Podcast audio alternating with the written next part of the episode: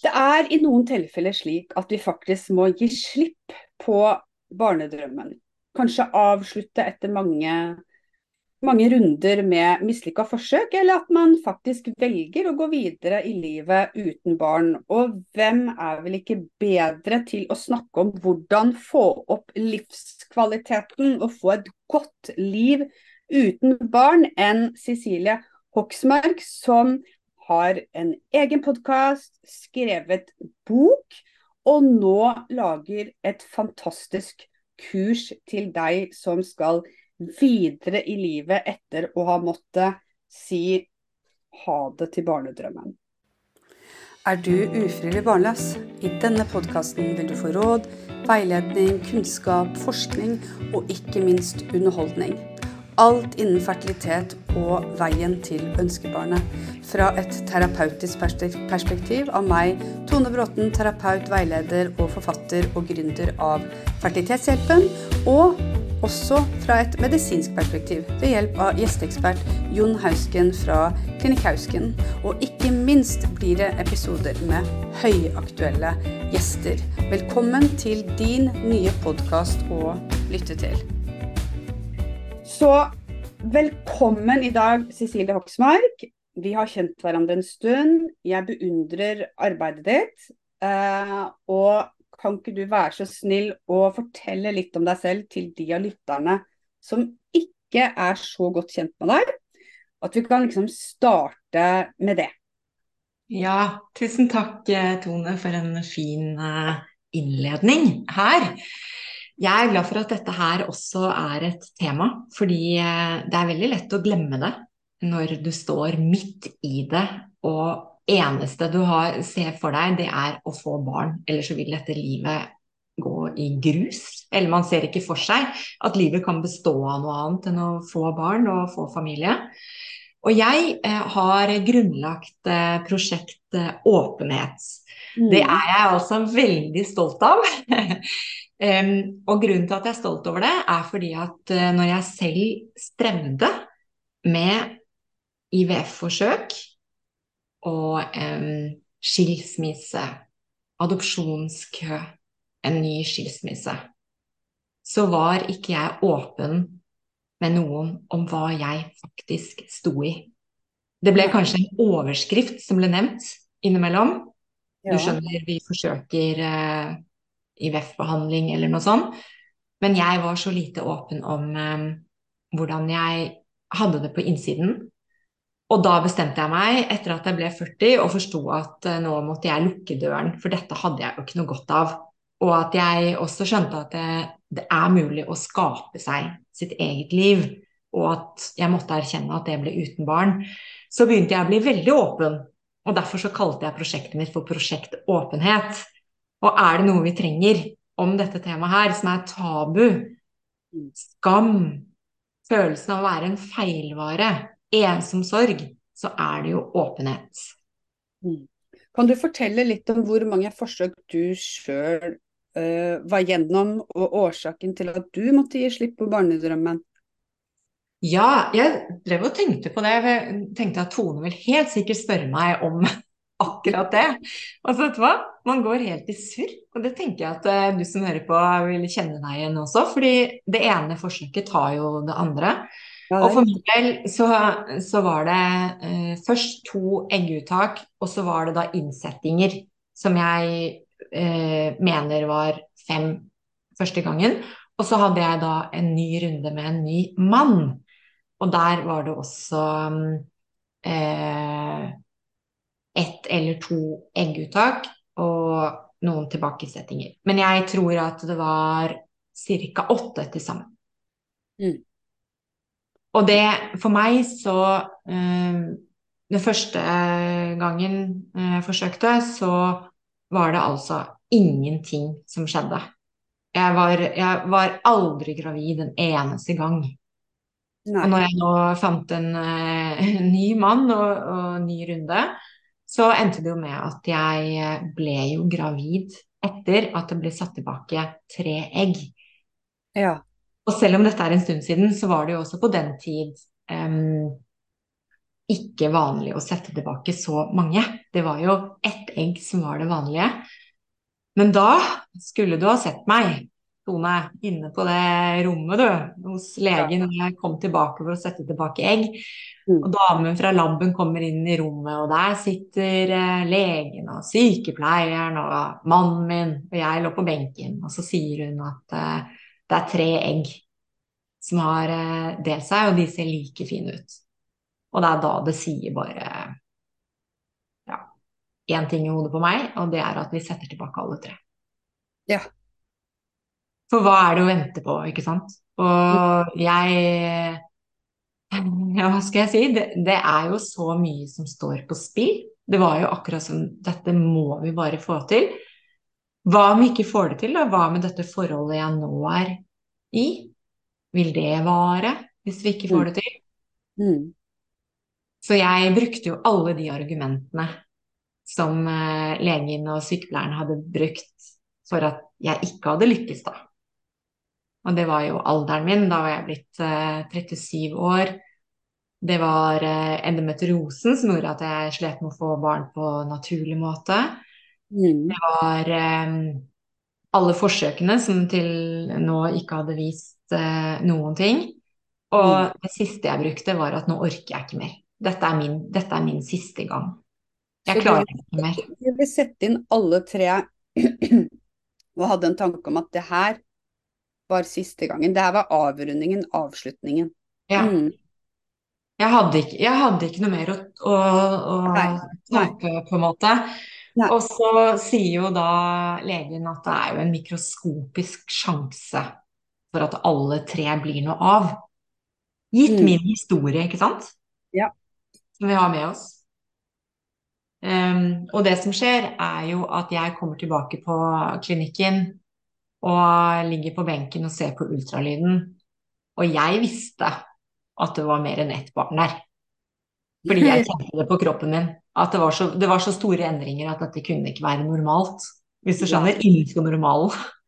Så når, når legen sier at det er to, så var ikke jeg overrasket i det hele tatt. Nei. Men når legen sier at det er tre, da ble jeg overrasket. For hva var sannsynligheten for det? Alle tre skulle bli noe av. Ja, det forstår jeg at du ble overraska der. Og så um, går jeg gjennom en tid hvor jeg tenker det går ikke an å klage over at man er gravid, og at man sliter med det. Fordi jeg var så glad. At jeg tenkte bare at hvert eneste tegn på nå, at jeg liksom er litt småkvalm, og jeg føler meg uggen og alt, alle mulige symptomer, det er jo et bevis på at alt går bra. Ja. For jeg var jo bare Jeg var jo bare fornøyd. Og jeg blir fulgt opp veldig tett fordi at det er eh, trillinger. Så jeg og mannen min, vi er jo inne på Rikshospitalet mm, hver 14. dag. Mm. Og vi ser disse trillingene som utvikler seg, og de blir større. Og til slutt så er de små babyer. Så er det en eh, påske, og det er eh, natt til palmesøndag. Og jeg føler meg dårlig. Skikkelig dårlig. Jeg har vondt. Alt er feil. Jeg er uggen. Og så skjønner jeg at det er noe som er i ferd med å skje, som jeg ikke klarer å sette ord på. Mm. Jeg klarer ikke å si til mannen min eller noen andre at det, det går galt. Jeg mister de. Så jeg tenkte at det beste å gjøre er å prøve å, late, prøve å late som ingenting, så kanskje det går over. Men det gjorde jo ikke det. Så vi reiser inn på Riksen igjen. Og um, utpå natten på palmesøndag så mister vi trillingene. Én etter én. Og da husker jeg at jeg, jeg lå i den senga, og så var jeg helt groggy, for jeg hadde helt uh, sagt det rett ut. Jeg hadde bedt om ganske mye morfin, for jeg syntes det var helt uholdbart, den situasjonen. Og dere som har vært igjennom noe som ligner, vet jo at uh, vi ligger jo da inne på en fødeavdeling. Det er ganske groteskt, egentlig, at man skal oppleve liksom andre glede. 17. Det var uke 17. Mm. Og det som skjer når du er uke 17, er at eh, de, de små babyene, vet du, de ligner jo helt på en liten minibaby, de. Mm. Så eh, det er eh, ganske Ja, hva skal jeg si Det er liksom grotesk at på en måte livet på en måte som nesten ikke hadde begynt, og så hadde vi jo lagt alle vi hadde liksom begynt å tilrettelegge livene våre, og jeg var sykemeldt, og vi hadde liksom Hvor skal vi bo, og hvordan skal vi ordne oss, og sånn. Det var så veldig mye som på en måte bare var fokus på når de tre barna kommer. Mm. Eh, men jeg fikk heldigvis se de. De hadde vasket de veldig fint, og det ble lagt i en kurv, og det ble lagt oppå dyna. Det eneste som jeg eh, savner å ikke huske, det er om jeg tok på de. For sykepleieren sa at jeg kunne røre ved de, men så var jeg så usikker. Og jeg var så trøtt, og jeg var så mm, nedbrutt. Mm. At jeg var liksom ikke helt meg selv. Så på en måte skulle jeg ønske at noen hadde tvunget meg mer til det. Ja. Uh, men det var det. Det var um, noe jeg har tenkt på i ettertid, at uh, den grensen som går mellom uke 17 og uke 21, hvor man plutselig får masse hjelp, det er jo helt absurd. Det er jo ikke sånn det fungerer. Ja, jeg forstår det på det medisinske plan at man kan redde disse barna, men ikke på et menneskelig plan. Det, mm. det forstår jeg ikke. At man har en annen sorg i uke 21 enn 17. Så jeg savner veldig den oppfølgingen eh, etterpå. Ja. Um, jeg vil jo si at den åpenheten som, eh, som, jeg manglet, den kom jo mer fram nå. Men det som jeg har tenkt på, er jo at uh, det var jo veldig mange som ikke visste hva de skulle si. Ja. Så det var jo som om du kom, eh, du kom med en sorg, og så, og så, fortalte du litt, og så ble den jo aldri tatt imot. Fordi at folk kviet seg for å gå inn i det med deg. Mm. Av en eller annen grunn. Så det tok meg tid å bearbeide, bearbeide, det, men jeg var ganske rask med å ta tak i det. Jeg skjønte at dette måtte jeg gjøre noe med nå. Dette kunne ikke jeg vente med. Det var nå det skulle gjøre vondt. Mm. Og um, hvis vi hopper nå eh, Fordi det du har spurt om, eh, Tone, det var hvor mange forsøk. Og så fortalte jeg resten av historien, for jeg syns den hørte med, da. Jeg syns på en måte det er viktig at du forteller. Altså det er veldig, veldig sterkt å, eh, å høre på. Og du er jo en fantastisk formidler som gjør at man kan virkelig liksom sette seg inn i Man, man kan ikke 100 gjøre det, men man kan se det for seg og få sånn enorm empati for den dama som ligger der og har forsøkt lenge.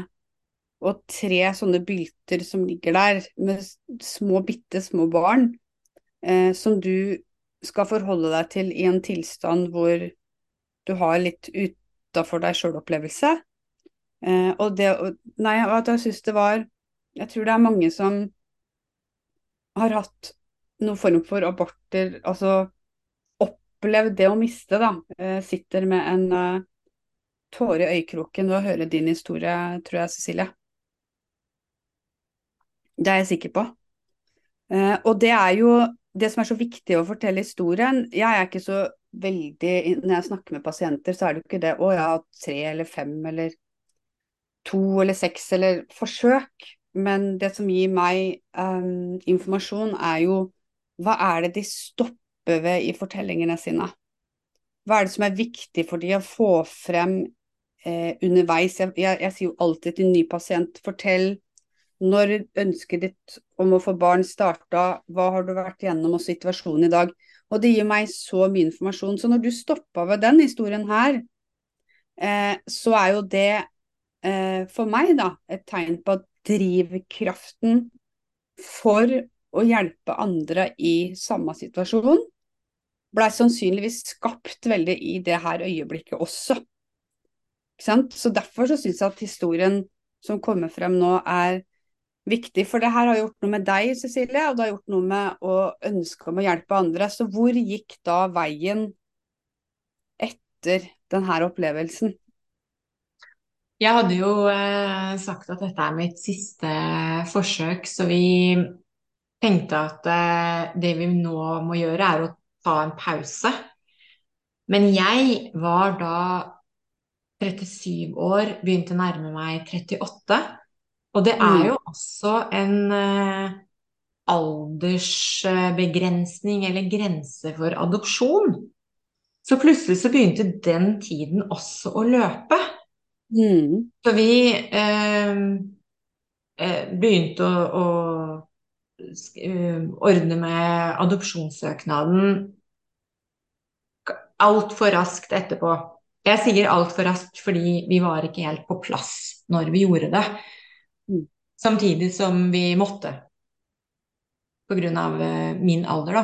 Og mannen min var fire år, eller tre og et halvt år yngre enn meg. Så igjen så følte jeg at det var meg det sto på. At det var på en måte jeg som var den som eh, gjorde at vi ikke fikk barn, eller som var trøbbelet, eller årsaken, da. Mm. Så jeg var også veldig driveren på denne adopsjonssøknaden. Og vi kom så langt at vi hadde bilder av eh, besteforeldre og apparatet rundt, og hvordan vi skulle håndtere det, og du vet, alle disse Ja. eh, hjemmemøtene med barnevernstjenesten, eh, som jeg likte veldig dårlig, husker jeg. Eh, det var jo et spill av en annen verden. Aldri vært så sånn flott prima-menneske.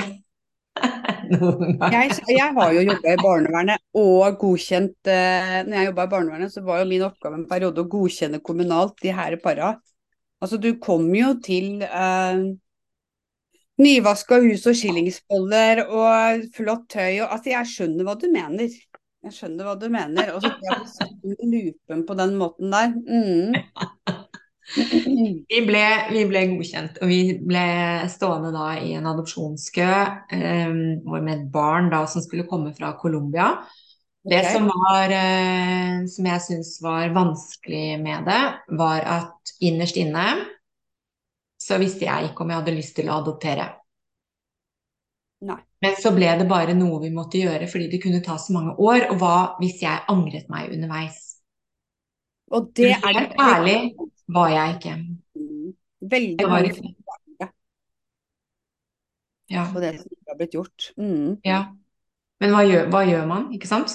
Og så var det en annen faktor, og det er jo at eh, av min alder, var liksom min alder som, eh, som alltid var liksom den derre tyngende, viktigste årsaken, da.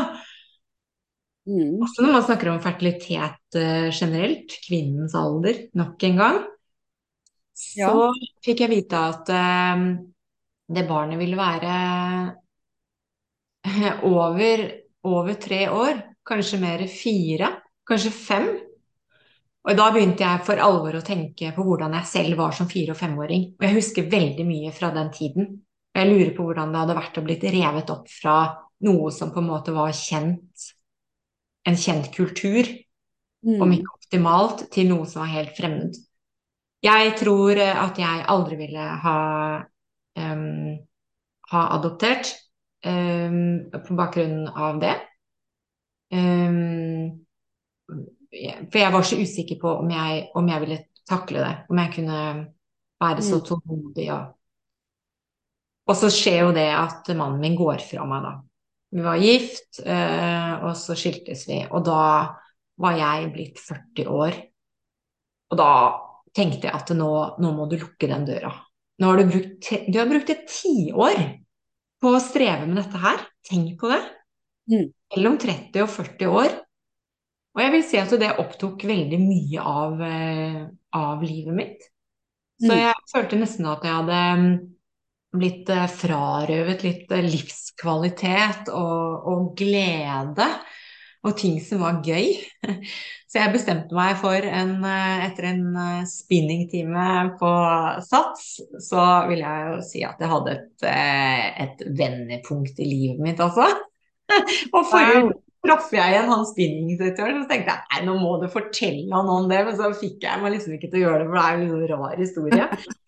Men der sitter jeg på spinningsykkelen, og sant, man, det er jo veldig sånn man tråkker taktfast til denne musikken, så dempes lyset, og musikken dundrer på, ikke sant, og så sitter du og svetter, og så sier spinningsinstruktøren sånne ting som vet du nå bestemmer du deg, nå faen meg, nå tråkker du til.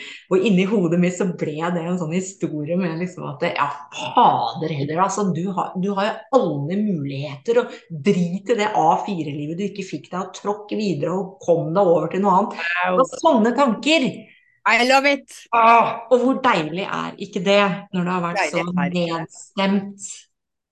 Jeg bruker ordet nedstemt, for jeg var aldri deprimert, men å være nedstemt over lang tid er Ja, virkelig det tøft jeg nok. Mm. Og jeg var, så, jeg var så lei av å ha det sånn, og hvor hadde blitt av all gleden og livsgnisten og alt det som egentlig var meg? Og jeg var jo så glad i å reise og oppleve ting og snakke med folk og, og skape ting og gjøre noe. Så bare klikka, altså. Nå skal du hjem og gjøre det. Så når jeg kom hjem, så, så var jeg liksom eh, god rødfarge i kinnene og bustete og skikkelig svett. Og så står jeg og ser på meg selv i speilet, og så sier jeg til meg selv eh, Velkommen da, Cecilie, til ditt eh, beste tiår hittil. Wow. Den kommentaren, den bruker jeg, eller den setningen, den bruker jeg veldig ofte. Den er eh, Altså det, dere der ute som syns at den var skikkelig naiv. Ja, jeg er helt enig. Den er utrolig naiv. Den er også veldig deilig. Og det er også veldig mye energi i den. Og det gjør jo at du gir litt F, Ja. hvis du skjønner. Altså det er noe med at du tar livet tilbake. Altså, hva er det du hadde jobba med tidligere, og som du på en måte Hva er det du måtte gi slipp på? Jeg hadde eh, Jeg var fylt av en bitterhet. Jeg var fylt av eh, skam. Jeg eh, følte at jeg eh, levde et liv jeg ikke ville ha, Mm. som jeg ikke hadde bedt om. Mm. Jeg følte at jeg hadde mislykkes. Ja. Og de følelsene trekker deg bare ned, ned, ned, ned. Det er ingen energi Det er ingen energi. Så hva er hvilket, hva, hva var det du satte i gang med den nye Hva skal jeg si, av nye tanken, holdningen, innstilling til livet? Eh, Jeg, jeg, le, altså, jeg leser jo alltid om mye sånne ting med følelsesliv og sånn, da. Og så tenkte jeg at eh, ja, du kan sikkert gå til psykolog til du er 109 år, men det hjelper jo ingenting hvis du ikke gjør noe selv. Mm. Det er bare jeg som, som vet på en måte hva som, hva som kan trekke meg opp. Og så tenkte jeg at, jeg- at jeg liksom gir det en sjanse, og så ser jeg hva som skjer. Det var kanskje det, da. At, eh, at jeg var, jeg var rett og slett litt lei av meg selv, hvor opphengt jeg var. Mm. Og, og så tenkte jeg, hvilket menneske har jeg lyst til å være? Vil jeg være hun bitre på 62 år? Vil du det? Vil du virkelig at jeg skal liksom spise deg opp innvendig? Mm. Det er som å drikke gift, det er det er det man sier. Det bare skader deg selv, den bitterheten. Mm. Og denne skammen, så tenkte jeg, ja vel, hvor lenge skal du, hvor lenge skal du være skamfull, da? Er det liksom et evighetsprosjekt, da? Hvordan har du det da, egentlig? Så det var disse spørsmålene som jeg stilte meg selv, og så var det også denne liksom, lengsel etter å, å finne ut av dette livet. Og så ble det selvfølgelig en, en anerkjennelse og en aksept etter hvert for at nå hadde jeg gått gjennom denne historien med alle disse forsøkene og trillingene. Jeg hadde gått gjennom den historien om igjen og om igjen og om igjen. Til slutt så var den en del av meg som gjorde at jeg kan fortelle den historien sånn som jeg gjør i dag til deg. Det har fortsatt følelser når jeg forteller den, men den setter meg jo ikke helt ut. Jeg bærer på den, Og det som er rart, det er nesten som jeg er litt stolt av den. Mm. Det er nesten som Ja, er ikke det rart? Jeg er stolt over at jeg bærer historien. Jeg er stolt Mm. over at jeg ikke legger skjul på det. Jeg er stolt over at de tre eh, små barna får en plass Ja. I meg. De fikk Ja. jo aldri leve, men de levde jo likevel, ikke sant? I tankene, i alle bildene man har om framtiden, så levde de jo, ikke sant? De hadde navn. Så jeg er stolt over at de på en måte ikke lenger bare liksom er lagt i en skuff, eller børstet bort, eller bare avfeid, men at de på en måte får være en del av mitt liv, da. Det er akkurat som det er liksom At, at, det, eh, det fortjener de. Og det er jo en enorm liksom, en anerkjennelse Mm. eh, i det. Det er så sterkt å høre på. Jeg må si det, altså. Oi, jeg, jeg sitter og tenker på hvor mye det her kan hjelpe lytterne. Hvor mye du på en måte hjelper dem ved å være åpen. Som gjelder akkurat det derre prosjekt eh, åpen. Eh, hvis vi går eh, litt vekk fra følelser og tanker, som vi har vært mye inne på nå, og går til ditt konkrete arbeid for å hjelpe andre. Først starta du en podkast. Eh, Barnløs på godt og vondt, hvor du har 50 episoder med høyaktuelle gjester. Og det som er så fint med podkast, at da kan man jo bare leite det opp og, og finne episodene. Så skrev du en bok, og den heter Barnløs. Eh, den har jeg lest. Eh, og den er veldig informativ og veldig, veldig bra. Og nå har du lagd et online-kurs sammen med en psykolog.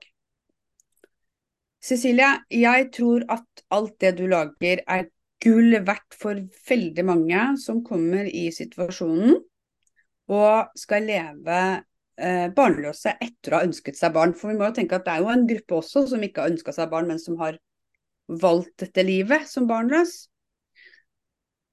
Hvem er det dette kurset er for, først og fremst? Takk for, eh, for, for fine ord. Dette kurset, det er eh, til deg som innser at døren må lukkes. Mm. Det er lov å ha den litt på gløtt, for det er veldig vanskelig å lukke den helt. I hvert fall å låse den. Det er til deg som har ønsket eh, deg barn, strevd på en eller annen måte. Kanskje om å finne en mann, om du ikke hadde en makker, om å gå gjennom masse forsøk. Litt uavhengig av årsaken til at du endte opp eh, uten barn.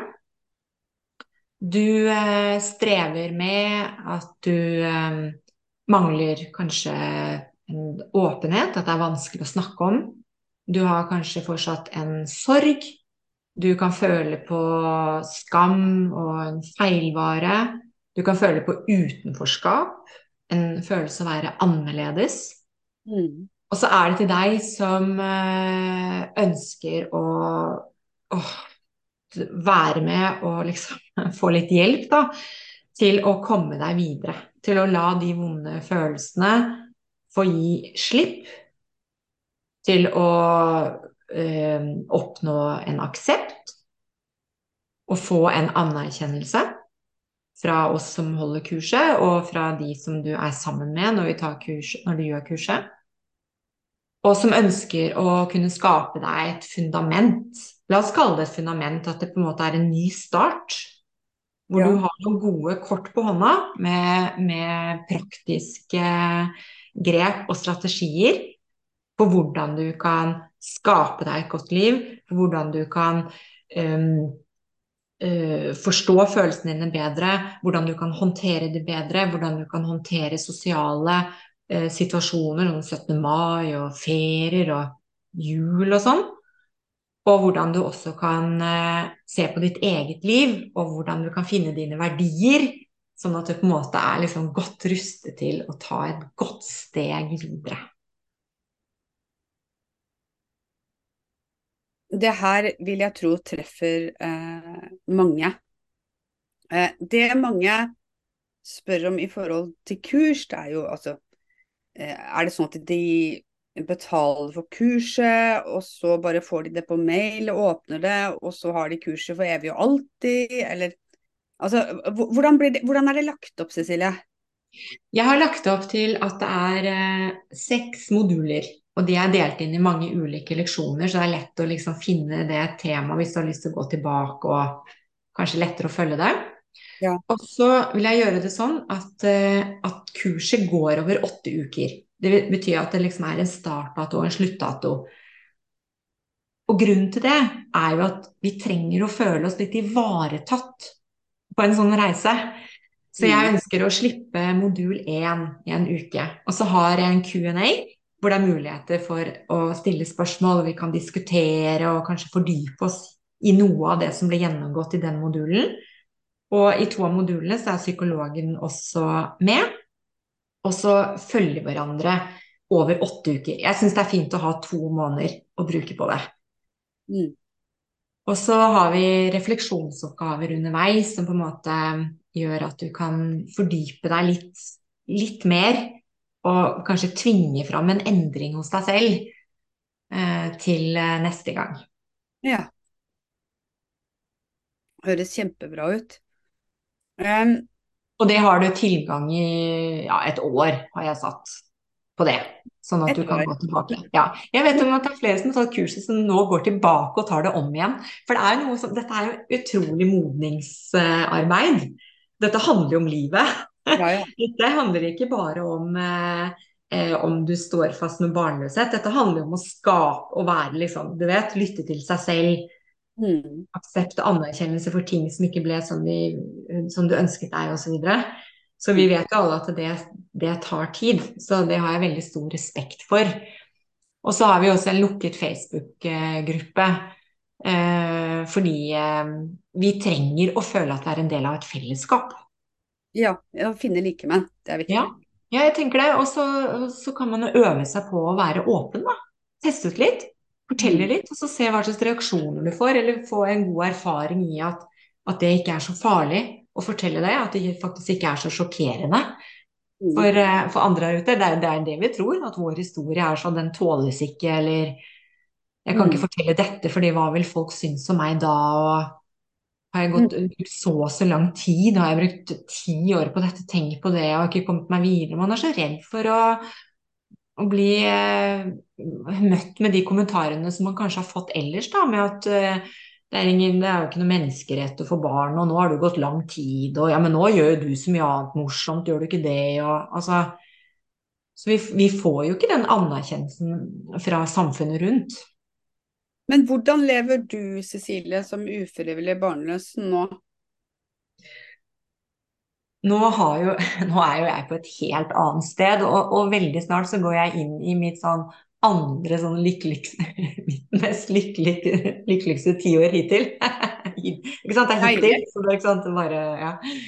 Um, jeg er på et helt annet uh, sted, uh, og jeg forsøker å se på livet som en gave. Altså det å øve på takknemlighet, det å finne glede i de små hverdagslige øyeblikkene. For meg så handler det ikke lenger om de store gigaøyeblikkene som kommer så altfor sjelden, og som man bygger seg opp og tror skal bli helt magisk. Det er mye mer enn hverdagsglede. Virkelig. Hver, hver nyttårsaften, liksom? Hvor tenker jeg ja. Ja, ikke sant? Ja, lykke til med det. ja, ja, ja. ja. Jeg, jeg, men jeg, jeg, vil si at um, jeg jobber fortsatt med dette ut, spesielt dette utenforskapsfølelsen, fordi det er jo bare en det, det, er jo ikke noe som på en måte går over som er en anerkjennelse. Det er noe som jeg føler at jeg må daglig øh, jobbe med. Ja. Jeg kan komme med et eksempel ja, det, er litt, det, er litt, flaut, da. Men uh, jeg vet ikke hvorfor jeg syns det er litt flaut. Det er litt flaut, da. I, uh, I, sommer så skrev jeg en kronikk i Budstikka. Det er avis i Asker og Bærum. Der skrev jeg om utenforskap fordi jeg ikke har den inngangsbilletten som er barn. Mm. Det er mange sosiale arenaer som handler om mammavin for klasse 5B, eller eh, håndballtreninger for mammaene ditt og der. Ja. Så la jeg ved et eksempel, og det er fra nabolaget mitt. Det er derfor det er litt pinlig, ikke sant? For det blir veldig nært. Og der beskrev jeg en episode hvor jeg kom bort til to damer, de snakket om et salsakurs. Og så ble jeg litt sånn Oi, så spennende. Og så sier hun ene Ja, det er jo for mammaene til de som har barn på den barneskolen. Og så smilte jeg bare tappert, og så gikk jeg hjem. Men gjett hva jeg tenkte på da jeg kom hjem. Jeg tenkte på jeg er utelatt, jeg. Fra et fellesskap i mitt nærmiljø med damer i samme alder som meg. Jeg slang på den historien i den kronikken, for jeg tenkte jeg har ikke noe å tape. Vet du hva som skjer? Det var, på, det var på tirsdag, nå på tirsdag. Jeg møter den samme damen på butikken. Og hun er veldig hyggelig, så jeg sier hei til henne. Så sier hun til meg Nå har vi startet opp salsadansingen igjen. Har du lyst til å være med? Jeg ble altså så glad, jeg ble så rørt. Så i kveld 1930 så skal jeg på salsadansing. Ja! Åh! Da er jeg glad på dine vegne, Cecilie. Og jeg har oppmøteplikt. For har, nå har jeg klaget på at jeg ikke blir inkludert. Så det er ikke noe Nei, nei. nei nå må det bli sånn. Det er fantastisk at du deler den historien, og deler så mye av deg sjøl. Og jeg veit at du har lagt inn ekstremt mye jobb ikke for, bare for å hjelpe deg selv, men faktisk for å hjelpe andre som står i situasjonen om å gi slipp og skulle bygge opp et liv uten barn. Og det er ikke så mange tilbud til de, så jeg syns det var viktig å få med deg i podkasten, Cecilie. Eh, fordi jeg syns jobben, jobben du gjør er så bra. Eh, og hvor er det man finner deg og ditt og dine produkt? Jeg foreslår at du går inn på prosjekt jeg foreslår at du går inn på prosjektapenet.no. Det er mm. nettsiden min. Fordi der ligger, eh, der ligger det lenker til alt. Ja. Så vil jeg være så raus og si at du kan ta kontakt med meg direkte også. Det kan hende at du har noen spørsmål. Jeg tror det er ganske lett å finne prosjekt åpenhet. Hvis du googler det, så, så klarer ja. du å finne fram til meg. Da tror jeg at uh, den episoden her i hvert fall er en nok anbefaling fra meg, uh, terapeut Tone Bråten, som har jobba også med ufrivillig barnløse i en periode snart på tolv år. Uh, og har møtt en del som har kommet i den situasjonen hvor de må gi slipp, og hvor jeg også føler at det er litt vanskelig å skulle vi, eller henvise eller anbefale noen med mye kunnskap rundt hvordan det kan oppleves. Så du har opplevd oppleve det. Samtidig som du har lagd dette kurset. Jeg vet du har reist rundt og holdt foredrag, og nå har du også fått med deg en psykolog eh, på det her kurset. Så Cecilie, takk for all den jobben du gjør. Takk for at du deler historien din. Eh, og takk for at du blir med og har blitt med i podkasten.